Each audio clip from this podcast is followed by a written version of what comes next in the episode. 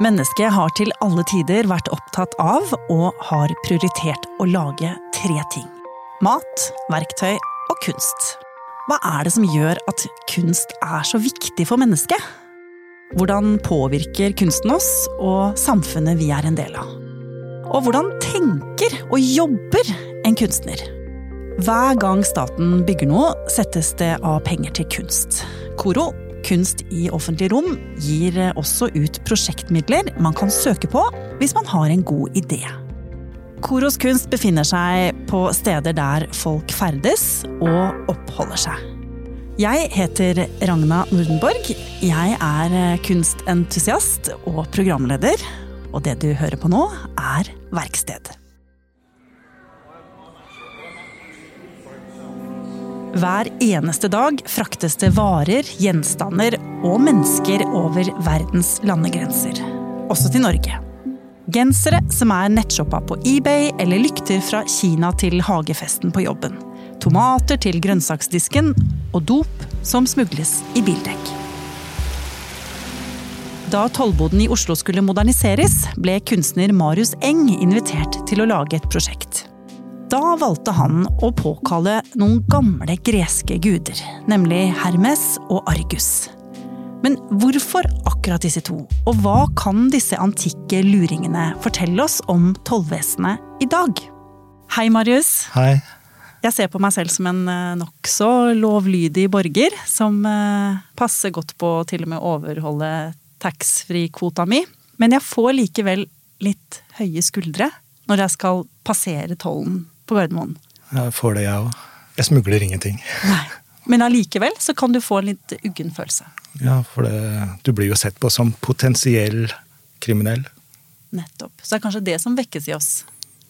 Kanskje. Mistankens lys. Marius Eng arbeider med installasjoner, tekst og fotografier innenfor det mange kaller konseptkunst. Som i vid forstand innebærer at ideen bak kunstverket anses som en like stor del som det fysiske objektet. Altså materialet eller utførelsen av det.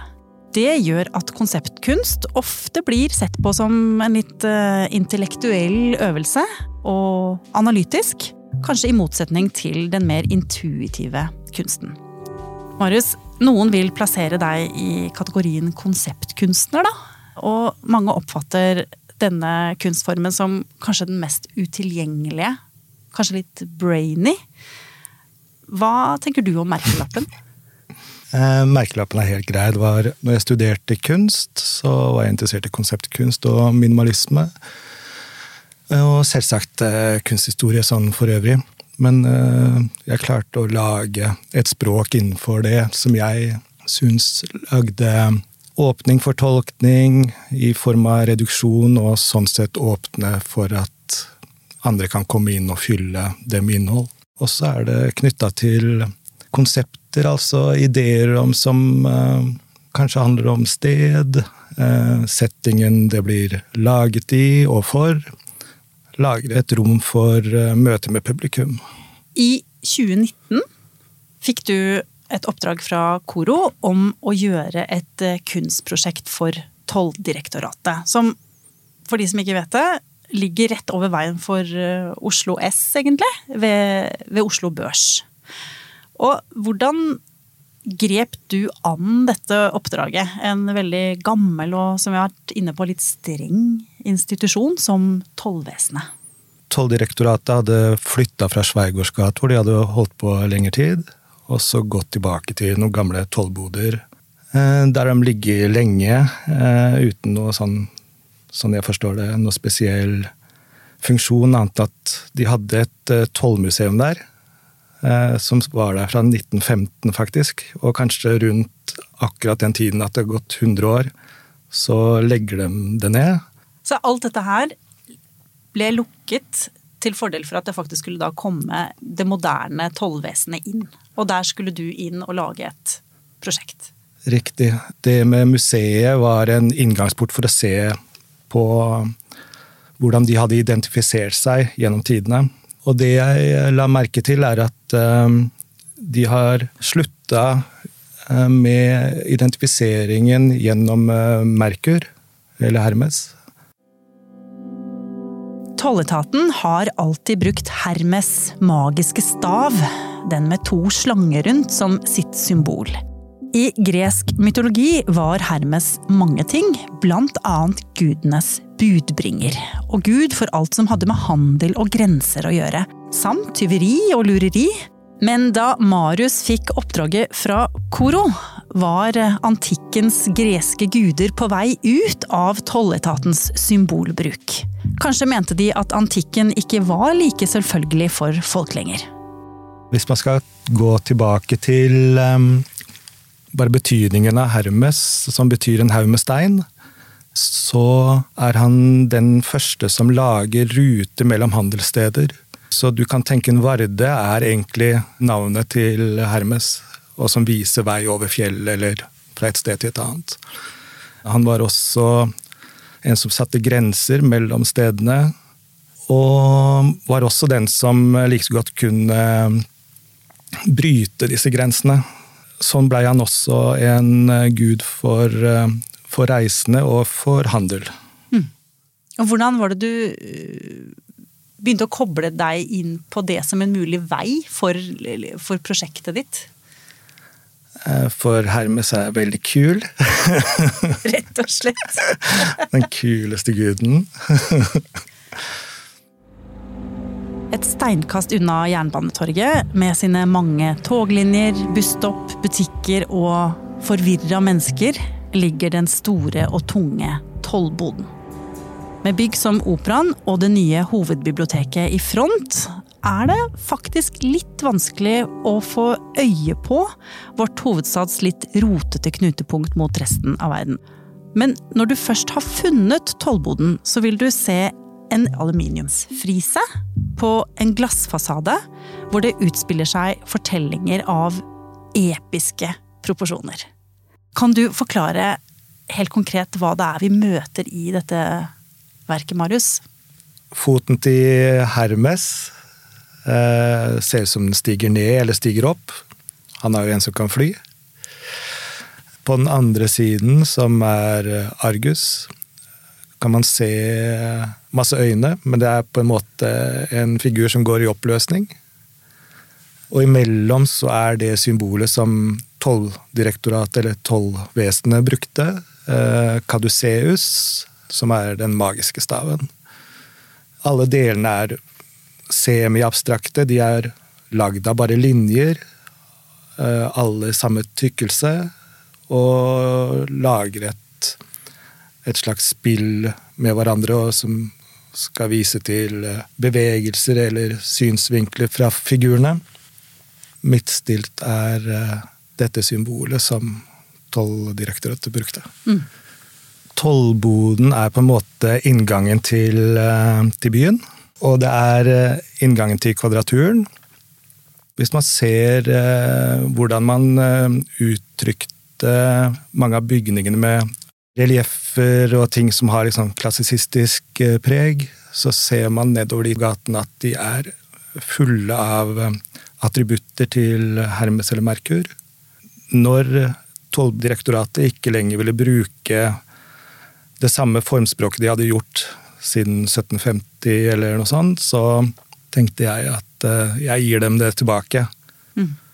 Uh, der har jeg laget et møte mellom uh, Hermes og Argus Panoptes.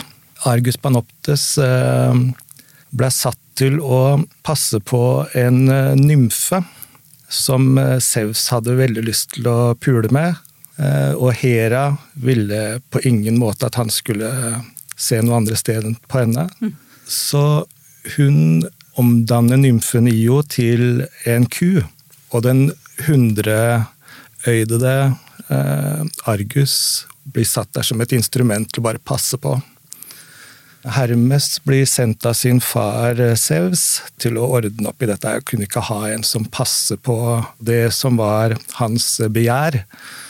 Så Hermes eh, klarte å få han til å sovne, i form av at han var så veltalende og fortalte en historie som gjorde at han rett og slett eh, snorka med alle sine hundre øyne. Mm. Jeg synes at eh, Argus blir fremstilt som kun et instrument uten et hjerte.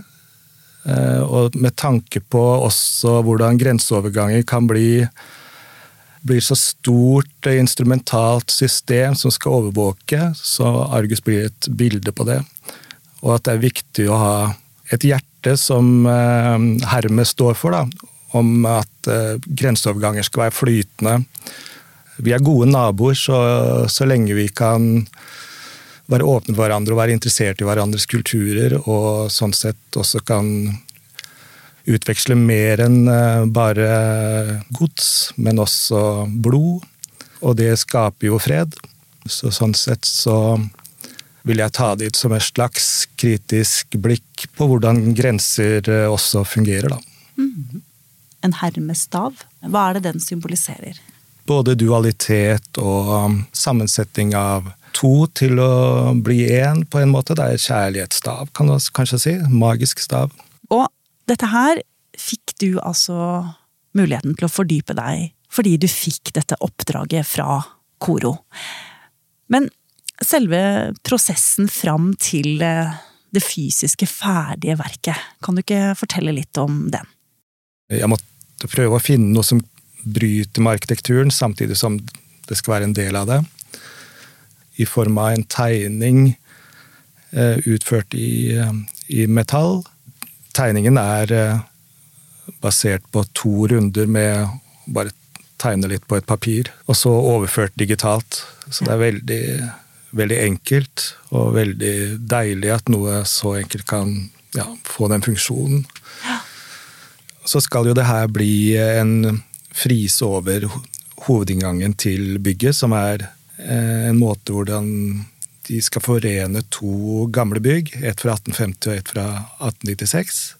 Og det nye bygget ligger imellom de, og så skal de ha en slags frise over hovedinngangen. Det er en slags glassboks, og arbeidet må lages på en spesiell måte. Fordi den skal ha noen funksjoner som gjør at man får tilgang på glasset for å vaske en gang i måneden. Nei, året, kanskje. Ja. ja. Eh, sånne ting. Og Også det med selve frisen, altså definisjonen av en, av en frise. Akkurat som motivet, så er eh, mye arkitektur også knyttet til antikken. Og en frise ville være et, sånn, et bånd av bildemotiver som ville være plassert på et tempel, f.eks. Så her er det rom for et bildemotiv. Det ønsker dem at uh, man skal lage noe som signaliserer og gjør det tydelig hvor man går inn til dette bygget. Så det er Arbeidet er vel kanskje sånn fire og en halv ganger 9 meter eller noe sånt. Uh, I fire slags porter, som passer jo bra til grenser eller en slags inngang til byen fra denne kanten og inn i det gamle Oslo, men som også er en Hvis man ser fra Tolldirektoratet, så ser man også det nye delen av Oslo, med Bjørvika. Og dette her er da ikke malt på noen vegg. ikke sant? Dette er et fysisk objekt. Det er, det er, en, det er laget i aluminium. Hvorfor det? Eh, fordi at aluminium er lett, og så er det relativt eh, vedlikeholdsfritt. Utgangspunktet mitt var egentlig at jeg ville lage det i, eh, i bronse. Hele greia. Ah, ja. Men vi fant ut at det var bare helt vanvittig tungt. Det hadde ikke konstruksjonen av huset klart. Så da måtte du gå og jakte på et nytt materiale? Ja. Bronse ville jeg jo ha fordi det er en helt fantastisk grønnfarge du kan få. Irra grønnfarge er det fineste jeg vet. Men jeg tenker at det, det ble et veldig fint resultat som ikke lager for mye kontrast til bygningen, men tar og blir en integrert del. Så det er mye roligere, på en måte. I de greske mytene tar Hermes livet av Argus på oppdrag fra sin far Sevs, fordi han altså bare ser kjempen Argus som et instrument for å holde og overvåke grensene. Hermes er en slags trikstegud som vi ikke er helt sikre på om er god eller ond, og han blir bedt om å ta livet av overvåkeren.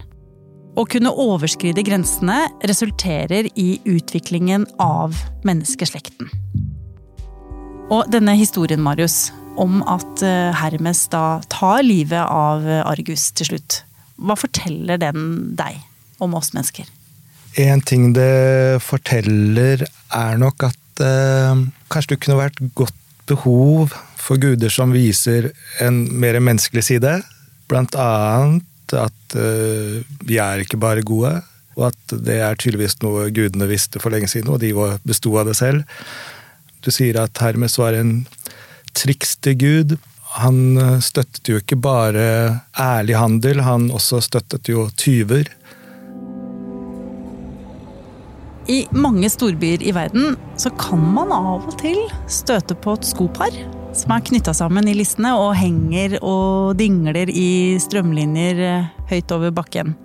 Og det er mange teorier om hvorfor dette gjøres. Noen steder så er det jo for å markere at du kan kjøpe dop rett ved, eller kanskje noen bare har gjort det for gøy. I gangen i Tolldirektoratet skulle egentlig Marius Eng ha hengt opp et par joggesko fra taket. Marius, hva var det som var ideen eh, med å putte to sånne joggesko inn der? Jeg tror det er Adidas-sko, og så er det en designer som lagde disse med, med vingene til Hermes, da. Og så syns jeg at det bare hadde vært litt så morsomt. Altså disse flaksende skoene blir kasta opp og henger på en vaier inne i Tolldirektoratet. Med tanke om at uh, hvis det er sånn at uh, den urbane legenden sier at her kan du handle narkotika, så er vel Tolldirektoratet potensielt det beste stedet hvor du kan finne masse droger. Ja, en, Fiffig. En spøk. Men, men, det skjedde ikke. Hva var det som gjorde at det stoppa opp? Jeg tror det holdt for dem med eh, å få den fasaden sin laget. De ville ikke at jeg skulle holde på å finne på mer moro. Jeg tror jeg jobba så intenst med toll og tollvesenet her i landet, eh, blir du like stressa når du går gjennom tollen? Eh, jeg tror det. Men ja, hvis det skulle skje noe, så bare tar jeg opp min badge. Hei, dette her har jeg lagd for tollen. Nei da. Du kan i hvert fall fortelle dem om eh, den humane siden av tollvesenet gjennom Hermes. Ikke sant. Tusen takk for at du kom, Marius. Eh, vi ønsker deg lykke til videre med kunstnerskapet. takk. Og livet. Ja, ja. Det blir bra. Tusen takk for at jeg fikk komme. Denne podkasten er produsert av Feelgood Scene Film og TV for Koro og er laget av Anne Katarina Haukeland, Pernille Skar Nordby, Åsne Jukse fra Koro, Anne Gerd Grimsby Haarr hos Filt og meg, Ragna Nordenborg. Episoden er klippet av Bård Solhjem Knutsen. Produsent er Miriam Ofsdal Berg.